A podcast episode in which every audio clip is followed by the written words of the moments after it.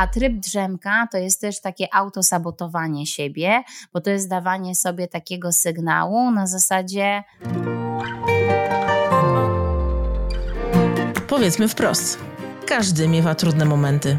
Co robić, żeby sobie z nimi poradzić? Let's talk about well-being. To podcast Capgemini Polska, a ja się nazywam Katarzyna Smuda. Dzisiejszy odcinek realizowany jest w ramach kampanii Capgemini Movember and More. Ta kampania łączy ze sobą dwie znane akcje: Movember i Różowy Październik. Kampania skierowana jest do kobiet i mężczyzn i ma na celu podniesienie świadomości na temat profilaktyki nowotworowej. Skupia się m.in. na tym, jak przeprowadzać samobadanie oraz podkreślaniu tego, jak ważne dla zdrowia jest przeprowadzanie regularnych badań lekarskich. Gościem odcinka jest psychoonkolożka Adrianna Sobol. Z Adrianną odkrywamy m.in. obszary onkologii i psychoonkologii oraz profilaktyki nowotworowej. Poruszamy temat objawów, które powinny skłonić nas do przeprowadzenia badań lekarskich. Podpowiadamy, jak i kiedy przeprowadzać samobadanie oraz jaki zrobić pierwszy krok w procesie zmiany naszych codziennych nawyków.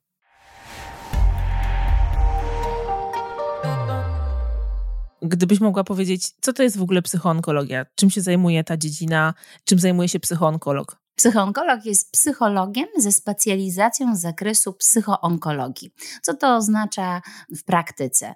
Ja po prostu skończyłam specjalne studia, które umożliwiają mi pracę z pacjentami chorymi onkologicznie, a także z ich rodzinami. Ta psychoonkologia to jest no, szerokie tak naprawdę pojęcie, bo za tym kryje się i szerzenie wiedzy, edukacji z zakresu profilaktyki onkologicznej, ale także oczywiście w ogóle różnych działań takich prozdrowotnych, profilaktycznych, ale także przede wszystkim moją codziennością, tak jak już wspominałam, na co dzień pracuję w szpitalach onkologicznych, w związku z tym Pomagam, wspieram, towarzyszę pacjentom onkologicznym już od momentu podejrzenia choroby nowotworowej po każdy jej etap leczenia.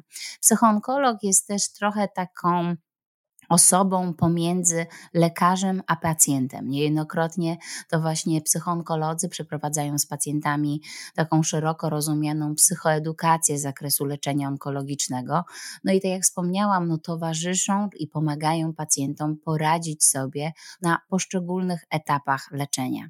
Psychoonkolog to nie jest tylko wsparcie dla pacjentów, ale tutaj ważne jest podkreślić, że to jest również wsparcie dla rodzin i bliskich, którzy również takiej pomocy potrzebują, a także dla personelu medycznego z mhm. zakresu w ogóle, no właśnie, też radzenia sobie z emocjami, bo praca jest trudna, wymagająca, ale także za tym stoi edukacja z zakresu komunikacji medycznej i nie tylko. Ale to jest chyba jakaś nowa dziedzina psychologii, czy nowa dziedzina tego obszaru. I czy w ogóle psychoonkolog jest dostępny w każdym szpitalu z oddziałem onkologicznym? To jest dobre pytanie. Pod względem w ogóle rozporządzenia, psychoonkolog powinien być na każdym oddziale onkologicznym. W praktyce niestety bywa to różnie, chociaż na przestrzeni lat, ja już sama pracuję na oddziałach onkologicznych jako psychoonkolog od dobrych kilkunastu lat i pamiętam początki mojej pracy kiedy zaczynając od tego, że na początku nie wiedziałam nic o psychoonkologii, dopiero musiałam przejść naprawdę solidne przeszkolenie i to takie merytoryczne i po prostu mhm. życiowe, oddziałowe, ale pamiętam ten moment wtedy, tych kilkanaście lat temu, kiedy ta psychoonkologia jeszcze tak raczkowała, kiedy tak naprawdę pacjenci, ale też i lekarze myśleli sobie, ale o co tu właściwie chodzi? Ale pacjenci myśleli sobie, no dobra, a po co mi ten psycholog? Choroby mi generalnie nie zabierze.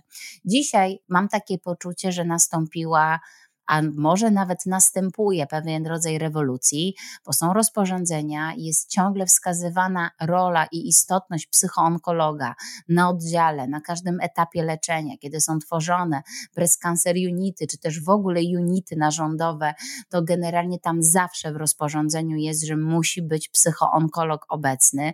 Lekarze nie wyobrażają sobie, mam takie poczucie, już przynajmniej onkolodzy, tego, aby nie było tak naprawdę współpracy z psychoonkologiem, psychologiem i żeby ten psychoonkolog nie był na oddziale, bo to jest ogromne wsparcie nie tylko dla pacjenta, ale dla lekarzy, dla personelu pielęgniarskiego. Ale też tutaj wielką rewolucję zrobili sami pacjenci i organizacje mhm. pacjenckie, które powiedziały: My potrzebujemy takiej pomocy, my potrzebujemy takiego profesjonalnego wsparcia, bo inaczej jest nam trudno przejść mhm. przez leczenie. No na pewno. Tak. A jeżeli na przykład ktoś z naszej rodziny, czy my sami znajdziemy się na oddziale onkologicznym, to jak można o to wsparcie, w sensie jakby... Jak, jak można, go znaleźć. Jak go znaleźć, dokładnie tak. Jak, jak szukać tego wsparcia psychologicznego? Przede wszystkim warto jest zawsze pytać się lekarza prowadzącego albo personelu mhm. pielęgniarskiego.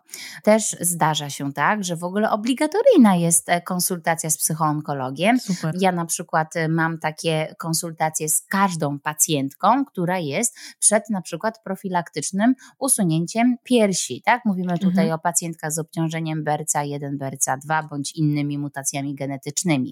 Ja też w szpitalu, w którym pracuję, myślę, że mam w ogóle komfortowe warunki, bo nie jestem tylko ja, jest też moja koleżanka, z którą mhm. współpracujemy, działamy i też wychodzimy często same do tych pacjentów, informując, że jesteśmy generalnie na oddziale i można się do nas zapisać, czy też skorzystać z pomocy na oddziale. W związku z tym przede wszystkim pytać się lekarza prowadzącego, lekarza onkologa i personelu pielęgniarskiego. Także można podejść do recepcji, poradni, też również się o taką konsultację zapytać. Niemniej jednak, ja nie chcę tutaj zaklinać rzeczywistości i mówić, jak to jest różowo i kolorowo, i wszyscy mają taki dostęp do psychoonkologów. To mhm. nieprawda. Są różne ośrodki, różne miejsca, niestety, i to cały czas jest czasami, a jest psycholog, ale gdzieś go kiedyś ktoś może widział. To jest e, taka, taka historia. Dlatego też bardzo zachęcam każdą osobę, która ma taką trudność, taki problem w życiu, która potrzebuje tego wsparcia, i tutaj dodam, to nie chodzi o to, że od razu musi być tutaj robiona jakaś wielka psychoterapia, ale niejednokrotnie jest to po prostu solidna dawka wiedzy i wsparcia. Czasem wystarczy jedna rozmowa, jedna konsultacja, która stawia tak naprawdę na nogi. To przede wszystkim zgłaszać się i również szukać pomocy w organizacjach pacjenckich, i to naprawdę te organizacje prężnie działają w całej Polsce. Często te organizacje są takie profilowane, każdy z nich ma jakby jakąś innym typem na przykład nowotworów się mhm. Y, zajmuje. Organizują fajne spotkania, fajne webinary, fajne w ogóle grupy wsparcia, no ale także psychoonkologa można oczywiście znaleźć no prywatnie. Tak? Prywatnie, tak. Zwykle, kiedy rozmawialiśmy właśnie o tej w październiku bądź w listopadzie o różnych akcjach edukacyjnych czy uświadamiających pracowników, najczęściej wiązało się to z osobą, która prowadziła webinar bądź prezentację, bądź pokaz nawet jeszcze wcześniej przed pandemią, jak się samo badać. I mam wrażenie, że w dzisiejszych czasach ta wiedza o tym, jak się badać, jest dostępna. Jeżeli ktoś chce znaleźć informację, może znaleźć ją w internecie w dowolnym miejscu. My sami zresztą teraz właśnie w ramach akcji Movember and More w biurze udostępniamy wewnątrz toalet takie informacje właśnie o tym, jak się badać, kiedy się ma y, kobiece bądź męskie narządy płciowe. I to wszystko się dzieje. Natomiast z drugiej strony nie leczymy się, nie, a przede wszystkim się nie badamy. Profilaktyka mhm. i jakby taki coroczny przegląd naszego zdrowia to jest coś, co nadal niewiele osób robi. Więc zanim przejdziemy sobie do rozmowy w ogóle o tematach, które poruszają kampanię Movember i porusza kampania Różowej Wstążki, to może porozmawiamy w ogóle o tym, dlaczego nadal niechętnie się badamy, dlaczego nadal niechętnie odwiedzamy lekarzy i dlaczego raz w roku jesteśmy w stanie nasz samochód oddać do mechanika, ale sami nie do końca robimy to samo z własnym ciałem. Profilaktyka, no to w ogóle jest od lat tak naprawdę. Myślę o tym i też angażując się w różnego rodzaju działania dotyczące profilaktyki onkologicznej, a jednocześnie będąc na co dzień w szpitalu i widząc pacjentów, w jakim stanie się zgłaszają, myślę sobie, o kurczę, to kompletnie nie działa. Z jednej strony rzeczywiście ja mam też takie poczucie, że ta świadomość, że ta wiedza rośnie ale jeszcze nie jest doskonała. Nawet dzisiaj prowadziłam takie spotkanie dotyczące profilaktyki i wydawałoby się, że mam przed sobą pięknych, młodych, mądrych, zdolnych, wysoko wykształconych ludzi, a ich pytania mnie powalały, ale cieszę się, że je zadają. Poza tym stoi, prawda, no, mhm. ta możliwość przekazania tej informacji. Zresztą w ogóle, jakbyśmy tak spojrzeli na te różne działania profilaktyczne, to niestety ale takie one są mało skuteczne.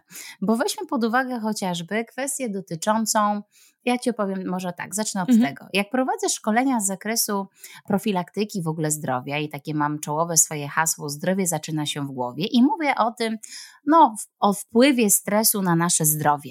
Czy myślisz, że kiedykolwiek przyszedł do mnie jakiś mój słuchacz, czy też student i powiedział: O, pani Adrianno, ale mnie pani uświadomiła, no rzeczywiście muszę stresować się mniej, żeby lepiej żyć. No, niestety to się nie wydarzyło. Przeważnie powodowało to jeszcze większe poczucie takiego beznadziei i smutku. Podobnie jest, jak mamy na paczkach papierosów poprzyklejane te zacne zdjęcia, które straszą, jak będziesz wyglądał, jeśli będziesz dalej palił. I oczywiście te Mm, zdjęcia wzbudzają emocje, Mhm. No ale na cóż, jak człowiek jest zestresowany, to nie ma lepszej opcji, jak puszczenie sobie kolejnego dymka w celu właśnie obniżenia tego napięcia, czyli wciąż jesteśmy w tym samym punkcie. Mhm. Ja mam takie poczucie, że jeśli chodzi o kwestie dotyczące profilaktyki, my cały czas nie budujemy realnego obrazu pacjenta onkologicznego. I to jest moim zdaniem najważniejsza rzecz, która jest do zmiany, aby pokazać, że pacjent tak naprawdę leczony onkologicznie, jego sytuacja znacząco na przestrzeni lat się zmieniła. Mhm. Ja mam pacjentki, pacjentów, którzy mogą być wyleczeni w 100%.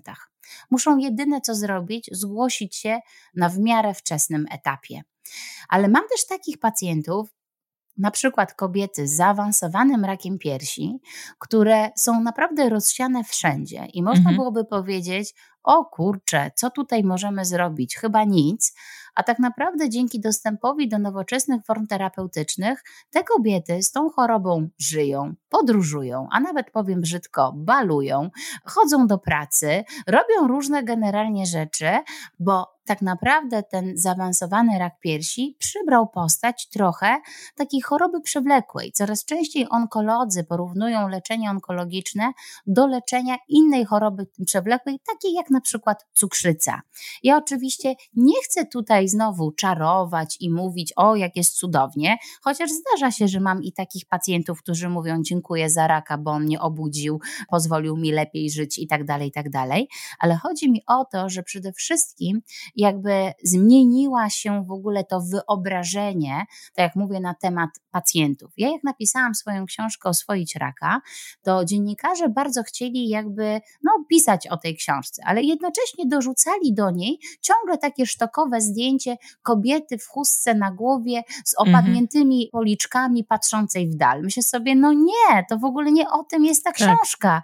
Ja chcę zmieniać wizerunek leczenia onkologicznego, który jest tak nam potrzebny, aby właśnie przestać się tego raka tak strasznie bać, aby uświadomić, że właśnie ta profilaktyka, te regularne badania, one mają na celu wychwycenie choroby na jak najwcześniejszym etapie.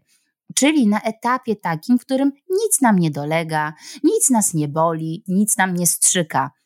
To jest tak naprawdę moment, kiedy powinniśmy się badać. Jak jest w praktyce? W praktyce jest tak, że przychodzą do mnie na oddział kobiety, którym odpadają piersi, bo nie zrobiły generalnie z tym nic wcześniej, a choroba rozwijała się przez lata.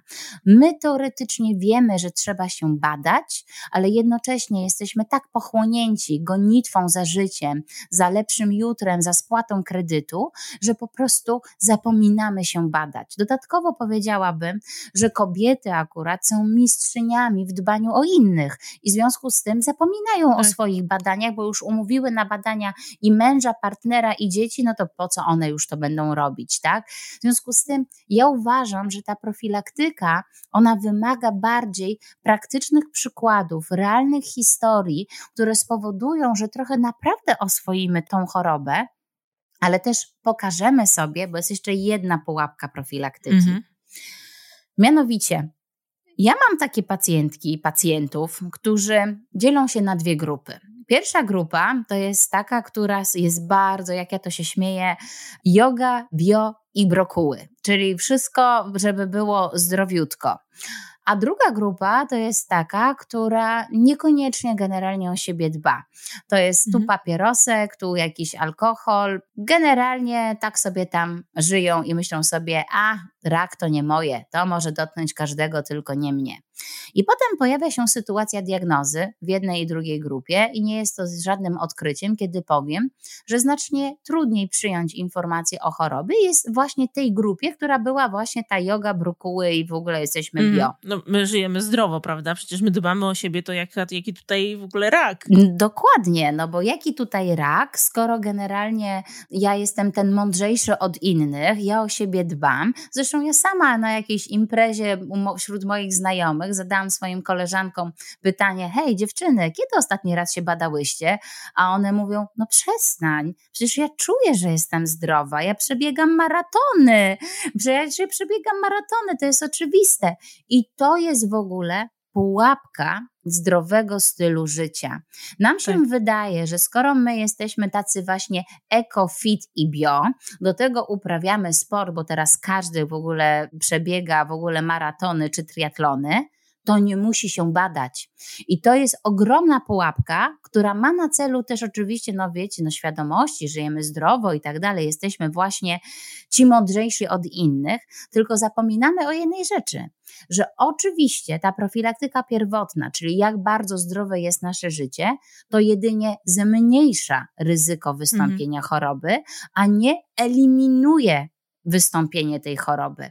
W związku z tym, oczywiście, jeśli mam generalnie porównać te dwie grupy, o których wspominałam, to oczywiście ta pierwsza grupa przeważnie pojawia się, zgłasza się do lekarza znacznie wcześniej, dlatego że po prostu są bardziej skupieni na swoim ciele, słuchają, tak. słuchają się swojego ciała. Niemniej jednak niż ta druga, która przeważnie po prostu odkrywa chorobę znacznie, znacznie później. A dlaczego tak ważny jest ten etap rozpoznania choroby? No bo to się przekłada na mniej inwazyjne terapie, na przede wszystkim możliwość często pełnego, stuprocentowego wyleczenia pacjenta. Ale myślę sobie jeszcze, y, wracając do tego, co opowiadałaś na początku, czyli że ta profilaktyka jest troszkę y, źle dopasowana, no bo rzeczywiście, jak się nad tym zastanowić, jeżeli zewsząd pokazujemy te negatywne konsekwencje choroby, czyli właśnie na paczkach z papierosami mamy bardzo drastyczne obrazki. Z drugiej strony, jak słyszymy nowotwór, to nawet na przykładzie tym, którym podałaś, od razu widzimy osobę z chustką na głowie, z zapadniętymi policzkami, no to trudno się mierzyć z takimi konsekwencjami. To lepiej w ogóle o tym nie myśleć i coś takiego wypierać. I być może właśnie ten negatywny obraz jest tutaj jak najbardziej też temu winny, więc y, to, to bardzo, bardzo ciekawy punkt widzenia, tak. Jest, znaczy ja w ogóle ostatnio mocno dyskutuję z różnymi dziennikarzami, którzy właśnie bardzo chcą, bo tych w ogóle artykułów w mediach jest bardzo dużo na temat mhm. profilaktyki, nawet na temat chorób onkologicznych i się nie dziwię, tak. bo oni pełnią genialną funkcję. Weźmy pod uwagę, że na tysiąc pacjentów przypada dwóch lekarzy. Wiecie, to jakby to jest tak, że ci pacjenci gdzieś tej wiedzy muszą szukać, ale obraz w mediach nie dorównuje obrazu realnego tak naprawdę pacjenta onkologicznego. W związku z tym potrzebujemy naprawdę realnych, ale też i tych dobrych historii, bo ich jest bardzo dużo. Przestańmy się tym rakiem straszyć. Co więcej, ja myślę sobie o tym, że Mówiąc generalnie o profilaktyce, ja bym w ogóle też chyba trochę to zmieniła na trochę inny kierunek. Ja zawsze mówię o tym, bądź dla siebie ważny bądź dla siebie ważna. Pamiętaj o tym, że właśnie to zdrowie zaczyna się w głowie. I tutaj na tym bym się chciała zatrzymać. Dlaczego? Dlatego, że jeśli mówimy o etiologii chorób nowotworowych, to oczywiście wyróżniamy czynniki genetyczne, wyróżniamy czynniki środowiskowe, ale coraz częściej mówimy o tych aspektach emocjonalnych. Mhm. Przewlekły stres, przewlekłe generalnie napięcia, zmęczenie, to, że jesteśmy tak wystymulowani, my nie potrafimy odpoczywać, my nie potrafimy regenerować się. Do mnie przychodzą pacjenci, którzy mówią: Byłem na wakacjach. No ja mówię: Super, nie, beznadzieja, nie wiedziałem co robić. A jeszcze dodatkowo tak dałem czadu w all inclusive, że teraz mam do dzisiaj kaca, tak? Jakby to powoduje, że my nie rozumiemy tak naprawdę, jakby istoty odpoczynku i regeneracji. Każdy z nas ma komórki nowotworowe, tylko przez to, że mamy też swoisty pancerz w postaci układu odpornościowego, to on generalnie pozwala na wydalanie z organizmu tych źle podzielonych komórek. Ale jak ma sobie poradzić organizm, który jest no, który jest tak zmęczony, który jest ciągle spięty. Dlatego tutaj działania dotyczące profilaktyki zdrowia psychicznego one mają też bardzo konkretne działanie w kontekście umiejętności dbania o siebie. Dlatego powtarzam ten zdrowy egoizm, bo za tym stoi ta umiejętność zadbania o siebie, za tym stoi też świadomość, że o pewne sfery nikt inny za nas nie zbada. No nikt nas nie umówi do lekarza, nikt jakby nie powie, o, odpocznij sobie, jeśli my sami tak naprawdę nie zaczniemy stawiać granic, kiedy my sami nie będziemy wychodzić po to, żeby powiedzieć hola, hola, wszyscy są ważni, ale ja jestem najważniejsza albo najważniejsza, bo bez tego, beze mnie, bez moich naładowanych akumulatorów, nie jestem w stanie tak naprawdę też o nikogo się odpowiednio zatroszczyć czy zadbać to, o czym powiedziałaś w kontekście właśnie zadbania o siebie, powiedzenia stop, bycie asertywnym, przede wszystkim świadomy, uważny odpoczynek, to jest bardzo ważny temat. I dokładnie tak chcemy też edukować. I w ogóle cały ten podcast jest de facto po to, żeby edukować, że dobrze jest się zatrzymać. Nasza dyrektor użyła takiego sformułowania, które bardzo mi się spodobało i zapadło mi w, mocno w pamięć, a mianowicie, że praca zawodowa to nie jest sprint, to jest maraton. Mój mąż jest maratończykiem, więc dokładnie wiem, co to znaczy przygotowywać się i biec maraton, że trzeba się dobrze przygotować, wyspać, odpowiednio zaplanować posiłki, odpowiednio zaplanować nawodnienie, a po e, całym biegu odpowiednio się e, rozciągnąć, zregenerować, zadbać o siebie i tak naprawdę kolejny taki takie wyzwanie dopiero w momencie pełnej regeneracji. A nie tylko traktujemy naszą pracę zawodową właśnie jak sprint, ale chyba całe nasze życie. Po prostu wszędzie się ciągle gdzieś biegnie, ciągle są, robimy sobie jakieś listy rzeczy do zrobienia, a taki czas, który moglibyśmy poświęcić na odpoczynek, na regenerację, taki czas, kiedy nic nie robimy, zaczyna być dla nas stresujący, bo jesteśmy bezproduktywni. Tak, znaczy mamy teraz w ogóle pewien rodzaj obsesji bycia produktywnym. Często też moi pacjenci mówią coś takiego, a wie pani co, ja to czułam, że coś mi dolega. Ja czułam coś, że coś jest inaczej, że ja powinnam to wcześniej sprawdzić. No ale jednocześnie no właśnie ten strach, te różnego rodzaju błędne przekonania czy mity spowodowały, że jednak tego nie robiłam. Ale też niejednokrotnie właśnie to jest trochę tak, że jak ja proszę moich pacjentów, aby usiedli wygodnie w fotelu, albo albo położyli się na kanapie i wsłuchali się w swoje ciało, to często, przeważnie kobiety mówią: Wie pani co, no tym razem to pani przesadziła, bo ja tak leżąc myślałam tylko o tym, że nie ugotowałam obiadu, dzieci nie ogarnęłam, że jest, jest brudno, trzeba posprzątać to mieszkanie. I to jest taka, znowu, tak, jakby my nie potrafimy się wyłączyć, a też wyłączyć, skupić się na sobie i realnie wsłuchać się w swoje ciało.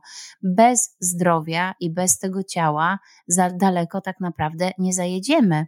Często zresztą pacjenci mówią o tym, że choroba w ich życiu była takim momentem, który naprawdę stanowił znak stop, bo ciało nie wytrzymało.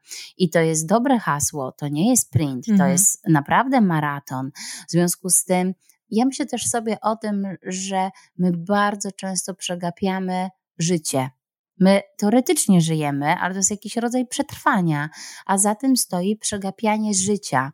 I, i naprawdę, jak ktoś odpowiada na tych konsyliach onkologicznych, o których mówię, że on nie miał czasu się zbadać, myślę sobie, to na co miał wcześniej czas? Znaczy, mhm. co było ważniejszego od tego zdrowia? Pójście na kolejny manikur, czy pójście na kolejny trening na siłownię, czy też kupić sobie kawę, czy napić się wina z przyjaciółmi? Jakby mhm. na, nagle się okazuje, że są takie rzeczy, które no must have po prostu i jakby tak. to, to się dzieje, to się toczy. A to zdrowie z taką łatwością odsuwamy na bok, z taką łatwością mówimy sobie później. No nie ma później. Ja naprawdę w żadnym wypadku nie chciałabym, aby nasza rozmowa wybrzmiała w kategoriach jakiegoś straszenia, bo to zupełnie nie tak. Ja chcę Wam powiedzieć, badajcie się, bo właśnie macie o siebie dbać, żeby fajnie i dobrze żyć. Ale trzeba Dokładnie. się badać, tak jak mówię, na tym etapie, kiedy nic nam nie dolega. To jest bardzo istotne.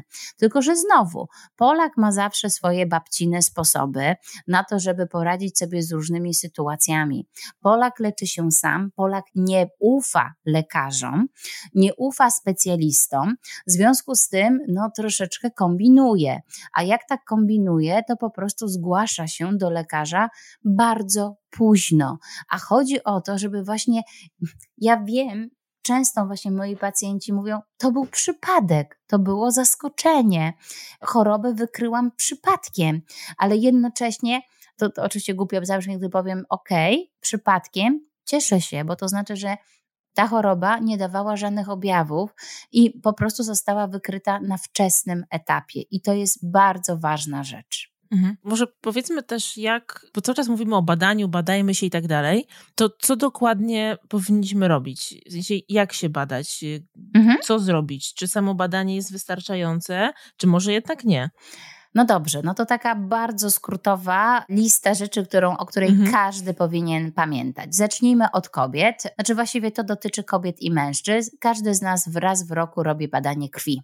To jest banał, proste, tanie badanie, ale jak się okazuje, wszyscy wiedzą, że powinno się tak robić, a tylko 40% z nas tak robi. Badanie krwi, które powinniśmy również wykonywać u naszych dzieci raz do roku. Kolejny temat to jest, jeśli chodzi o kobiety, to jest oczywiście comiesięczne samo badanie piersi, najlepiej między trzecim a dwunastym dniem cyklu. Badamy się w tak zwanej przerwie międzytabletkowej, bądź kobiety, które już nie miesiączkują, wybierają sobie taki jeden dzień w miesiącu w celu zbadania piersi. Oczywiście na początku, kiedy kobiety przejdą do tego samo badania piersi, będą myślały sobie, ojejku, jejku, ja tam ciągle coś wyczuwam, spokojnie, no bo to są po prostu gruczoły, piersi mają też taką budowę falistą, to jest normalne. Najprawdopodobniej przy pierwszym samobadaniu piersi pójdziecie na USG i super, w celu potwierdzenia, że wszystko z tymi piersiami jest ok. Badamy piersi w kilku pozycjach, trzeba się też bardzo dobrze im dokładnie przyjrzeć, żeby zobaczyć, czy nie ma tam jakiegoś wciągnięcia brodawki, sutka, skóry, czy nie ma jakiegoś owrzodzenia na skóry, czy nie, nie skórze, czy nie ma jakiejś pomarańczowej skórki, a może jakaś asymetria, może jedna pierś stała się jakaś taka większa, napuchnięta, to wszystko są lista niepokojących objawów. Badamy piersi w pozycji stojącej, badamy piersi pod prysznicem i badamy piersi w pozycji leżącej, nie zapominając o tym, aby również zbadać pachę i sprawdzić, czy nie mamy powiększonych węzłów takich nadobojczykowych, podobojczykowych i na mostku. Następnie każda kobieta mniej więcej od 20 roku życia raz na rok powinna zrobić badanie USG. Proste badanie, które może bardzo generalnie dużo wnieść. Zaś kobiety od 50 roku życia, zresztą to jest program badań przesiewowych w Polsce i kobiety dostają nawet takie zaproszenia na darmową mamografię między 50 a 69 rokiem życia. I ta mamografia się robi raz na dwa lata. Jeśli kobieta ma bardzo małe piersi albo bardzo duże piersi, a na przykład gdzieś no, jest jakieś podejrzenie albo w rodzinie było występowanie chorób nowotworowych, to również takim badaniem dodatkowym, bardzo skutecznym może być tomografia komputerowa, rezonans piersi. Mhm. Do tego wszystkiego pamiętamy również o tym, żeby kobiety pamiętają, aby raz do roku chodzić do ginekologa, robić badanie cytologiczne, raz na pięć lat do tego można również dorzucić oznaczenie oznaczenie na wirusa HPV. Robimy tą cytologię, robimy USG transwaginalne właśnie raz do roku. To, co powinno nas zaniepokoić, to takie krwawienia między miesiączkami albo kobiety, które nie miesiączkują, a nagle zaczynają krwawić, ale także tu bardzo ważna kwestia, bo często kobiety myślą sobie, a mam wzdęcia, a mam po prostu trochę przytyłam, a ten brzuch jakoś mnie w podbrzuszu boli. Tu również trzeba bardzo kontrolować temat profilaktyki raka jajnika, który jest rzeczywiście takim często, no niejednokrotnie występuje u młodych kobiet, głównie ma to podłoże właśnie związane z taką, takim podłożem genetycznym, tak? Mhm. A wymieniłaś pewne objawy, rozumiem, że to co powiedziałaś, czyli to, to wzdęcia, ten ból, to mogą być objawy już problemów z jajnikami, tak? Dokładnie tak. Bóle pleców, właśnie taki napuchnięty brzuch. Często kobiety myślą, że są w ciąży, a to nie ciąża, tylko właśnie rak jajnika. Więc to jest coś, na co trzeba bardzo zwrócić uwagę. Niemniej jednak chciałabym to podkreślić, że tak samo kiedy mówimy o profilaktyce na przykład raka piersi, to jak nawet sobie coś wyczujemy, to to od razu nie oznacza, że jesteśmy chore na raka, bo jest tyle różnych innych chorób piersi, więc po prostu jedyne co trzeba zrobić, to z tymi wynikami zgłosić się po prostu do lekarza. Ale także kobiety jeszcze powinny pamiętać o tym, żeby raz do roku wykonywać USG brzucha i USG tarczycy, a także oznaczać może nawet raz do roku hormony, znaczy w ogóle właśnie poziom hormonów, na przykład tarczycy, czy też e, hormonów żeńskich, płciowych, w celu jakby takiego już domknięcia tematu. Inną sprawą jest jeszcze rak jelita grubego, który no, jest tak naprawdę chorobą, która teoretycznie jest zarezerwowana dla osób po 50 roku życia. Niemniej jednak ja na oddziale spotykam coraz młodsze osoby, nawet takie 20. Plus. A dlaczego? bo tutaj akurat ta profilaktyka pierwotna, czyli to jak zdrowo żyjemy, ma ogromne znaczenie. Co jemy, jak jemy, czy jemy w pośpiechu, czy uprawiamy sport. Pamiętajmy o tym, że otyłość, palenie tytoniu, picie alkoholu znacząco zwiększa ryzyko wystąpienia chorób tak naprawdę nowotworowych i innych chorób przewlekłych. W związku z tym tutaj e, no, trzeba na to, na to zwracać, zwracać uwagę i także przede wszystkim robić taki wywiad rodzinny, i pytać się w swojej rodzinie, czy kobiety chorowały na raka piersi bądź raka jajnika, czy ktoś chorował na raka jelita grubego, czy ktoś chorował na raka prostaty. To wszystko to są takie, od razu to zwiększa naszą czujność, bo jest też właśnie to ryzyko wystąpienia jakiejś mutacji genetycznej. Dlatego osoby od 50 roku życia mogą wykonywać kolonoskopię raz do roku, raz na dwa lata, będzie też ok. No dobrze, to przejdźmy do panów. Jak panowie mogą się badać, a potem może tak przewrotnie, jak namówić e, panów do badania, bo z tego, co czytałam, to e, wśród panów jest, e, jeżeli można tak powiedzieć, jeszcze gorzej. Panowie się nie chcą badać. Więc jak namówić swojego męża, partnera, może ojca na, na badania? Przede wszystkim tak, no to przechodząc do takiego przeglądu badań dla panów, to mężczyźni, i to przede wszystkim zachęcam tych naj, ci najmłodsi, powinni co miesiąc przeprowadzać samo badanie jąder. To jest e, proste badanie, kwestia jakby przetoczenia między kciukiem a palcem wskazującym jednego jądra, następnie drugiego jądra, każde zgrubienie, każde, jakby każda asymetria tych jąder powinna jak najszybciej nas tak naprawdę zmobilizować do pójścia do lekarza. Nie ma co się wstydzić, pójść do urologa, pójść na USG, po prostu jak najszybciej zbadać się. Następnie to, co na co mężczyźni powinni pamiętać, to jest mianowicie rak prostaty.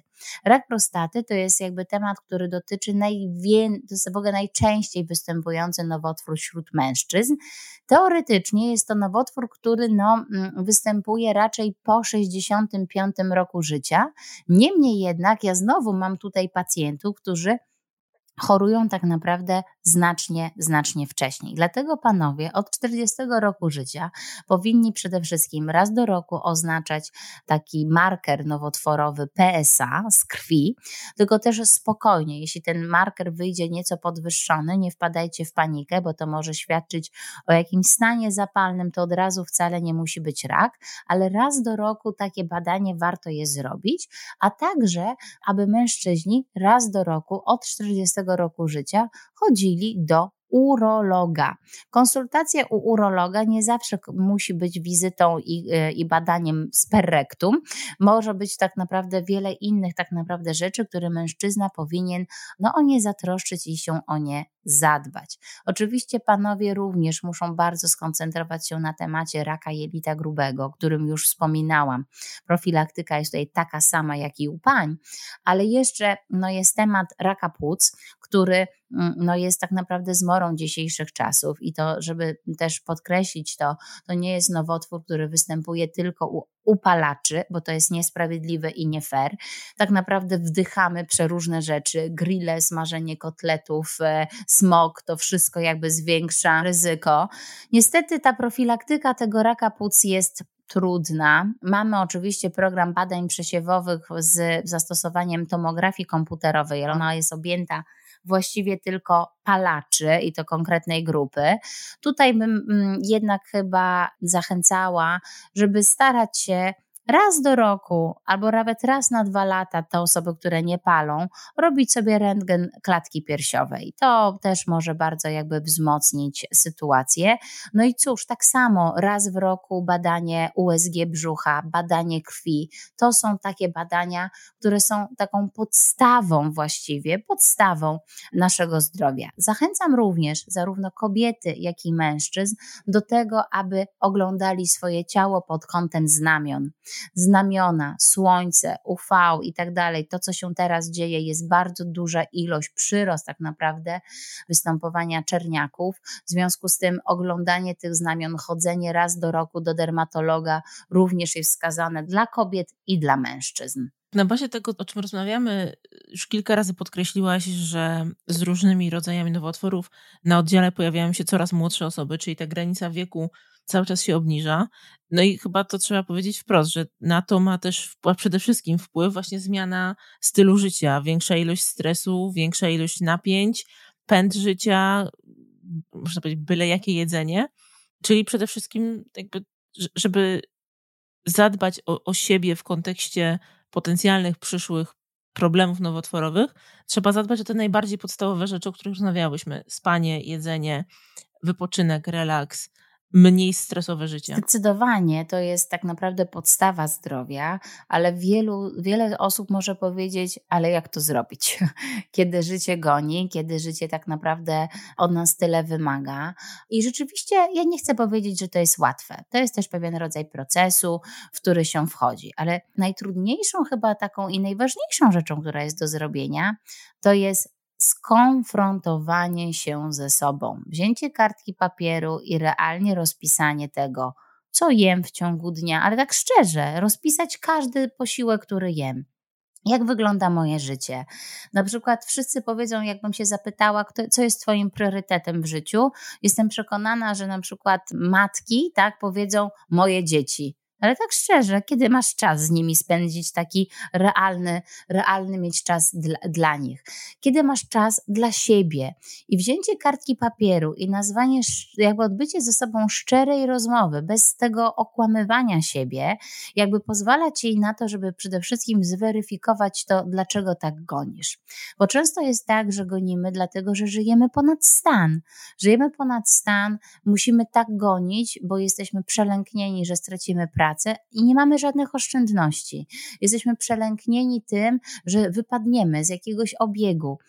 Mniej znaczy więcej, to jest podstawowa sprawa. Druga rzecz jest taka, że nam czasami po prostu gdzieś w tym pędzie, a właściwie zasuwamy jak taki chomik w kołowrotku, gubi się właściwie po co biegniemy. I naprawdę to wcale nie jest aż takie trudne. Te decyzje można w życiu wprowadzić. Można wprowadzić w plan na to, żeby było spokojniej, na to, żeby było mniej, na to, żeby było uważniej. I teoretycznie każdy mówi, że to jest niemożliwe.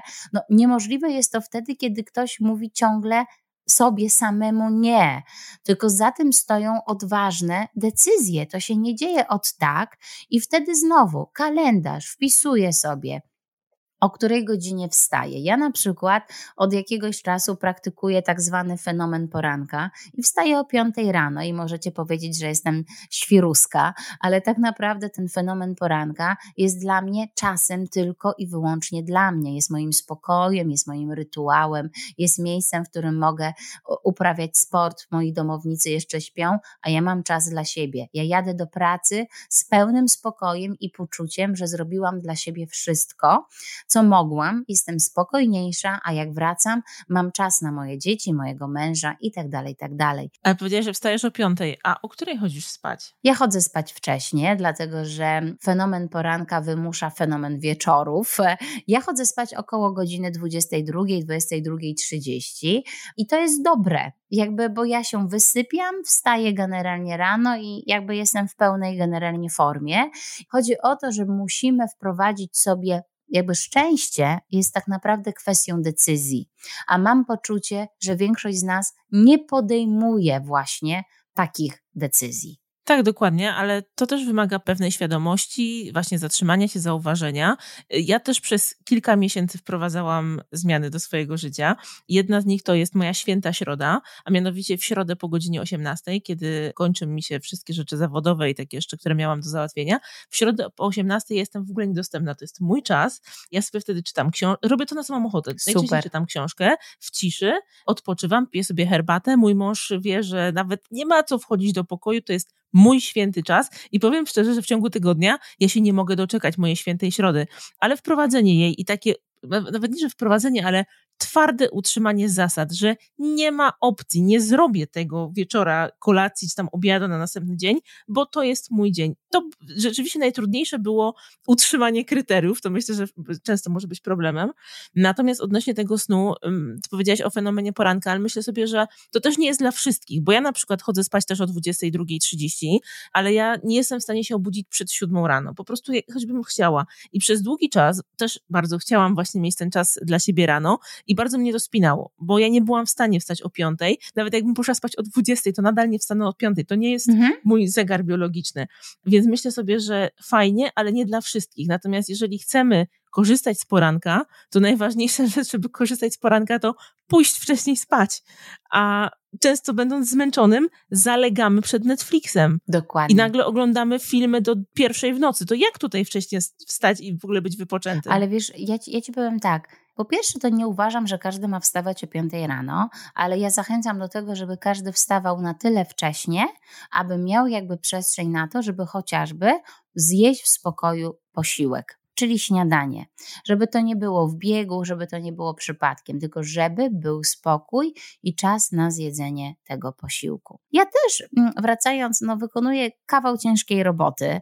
E, I ja, jak też wracałam do domu i ogarnęłam już te swoje dzieci do spania, to pragnęłam, aby ten mój wieczór był na takie typowe odmurzanie, bo tyle mam różnych historii, tragedii mhm. i trudnych rzeczy na głowie. Tak. Więc włączałam Netflixa i de facto powodowało, że ja po prostu wstawałam rano kompletnie wykończona. Dzisiaj tak nie jest, bo ja wiem o tym, że ja kładąc się wcześniej spać, robię to z taką intencją tylko i wyłącznie dla siebie. Zresztą temat w ogóle bezsenności, czy też w ogóle zaburzeń snu, to jest temat, który jest bardzo obecny w dzisiejszych czasach. Dużo pracuję mm, z na przykład psychiatrami, którzy zajmują się tylko i wyłącznie tematem bezsenności i oni zawsze mówią jedną rzecz, halo, halo, zanim leki, to jednym podstawowym jakby leczeniem tak naprawdę bezsenności jest ustalenie sobie stałej godziny pobudek. Stałej.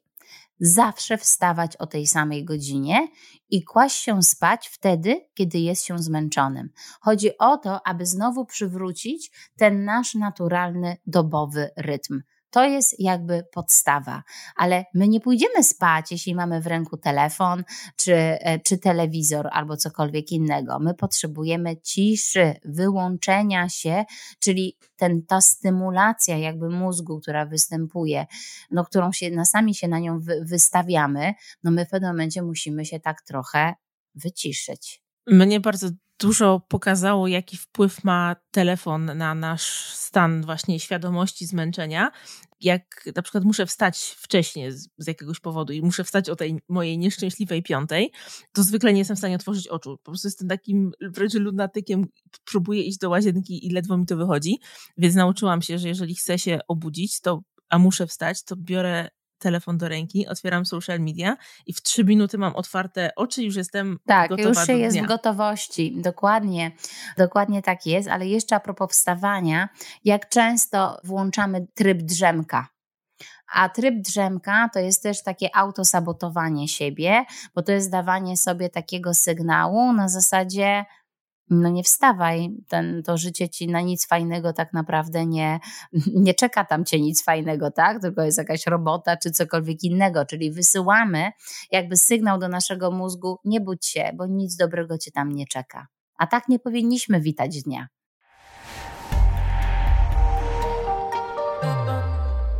Fenomen poranka i ta koncepcja nieprzeciągania wstawania z łóżka w nieskończoność to rzeczy, które bardzo przypadły mi do gustu ale Adrianna poruszyła dużo więcej ważnych tematów. To, co moim zdaniem warto wynieść z tej rozmowy, to po pierwsze nie bójmy się dbać o nasze zdrowie. Dane nam jest tylko jedno ciało i powinniśmy o nie dbać. A dbanie o to ciało i dbanie o zdrowie łączy się z drugą rzeczą, czyli świadomą profilaktyką, choćby zwykłym corocznym badaniem krwi, a także regularnym samobadaniem. Trzecia rzecz. Zatrzymajmy się na chwilę. Dajmy sobie dziennie choćby 5 minut ciszy.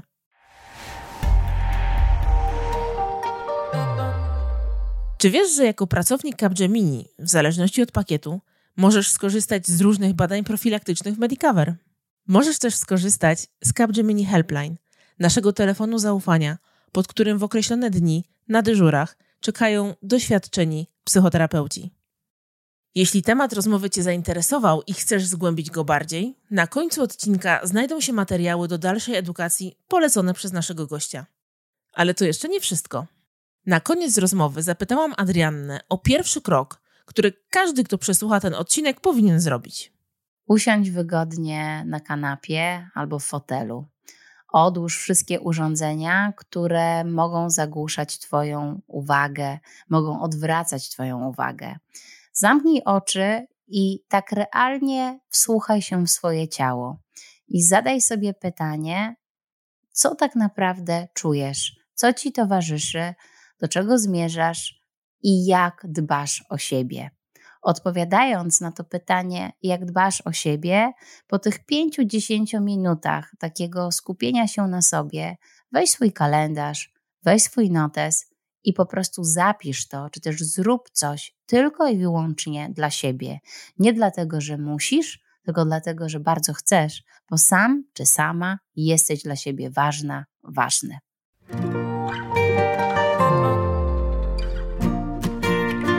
Żeby nie przegapić kolejnych odcinków, zasubskrybuj podcast Let's Talk About Wellbeing w swojej ulubionej aplikacji do słuchania podcastów. A jeśli ten odcinek Ci się spodobał, podziel się nim z koleżankami i kolegami z pracy. Niech oni też skorzystają z zawartych w nim rad. Linki do zagadnień poruszanych w odcinku znajdziesz w jego opisie.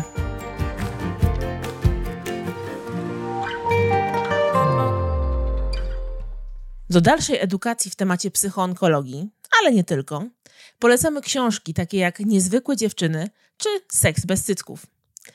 Adrianna jest także współautorką książki Oswoić raka, którą gorąco polecam, oraz autorką programów online Rak i co dalej, to dla pacjentów, oraz Jak być dobrym wsparciem, to dla bliskich i rodzin pacjentów. Ja osobiście gorąco polecam książkę Sztuka kobiecości.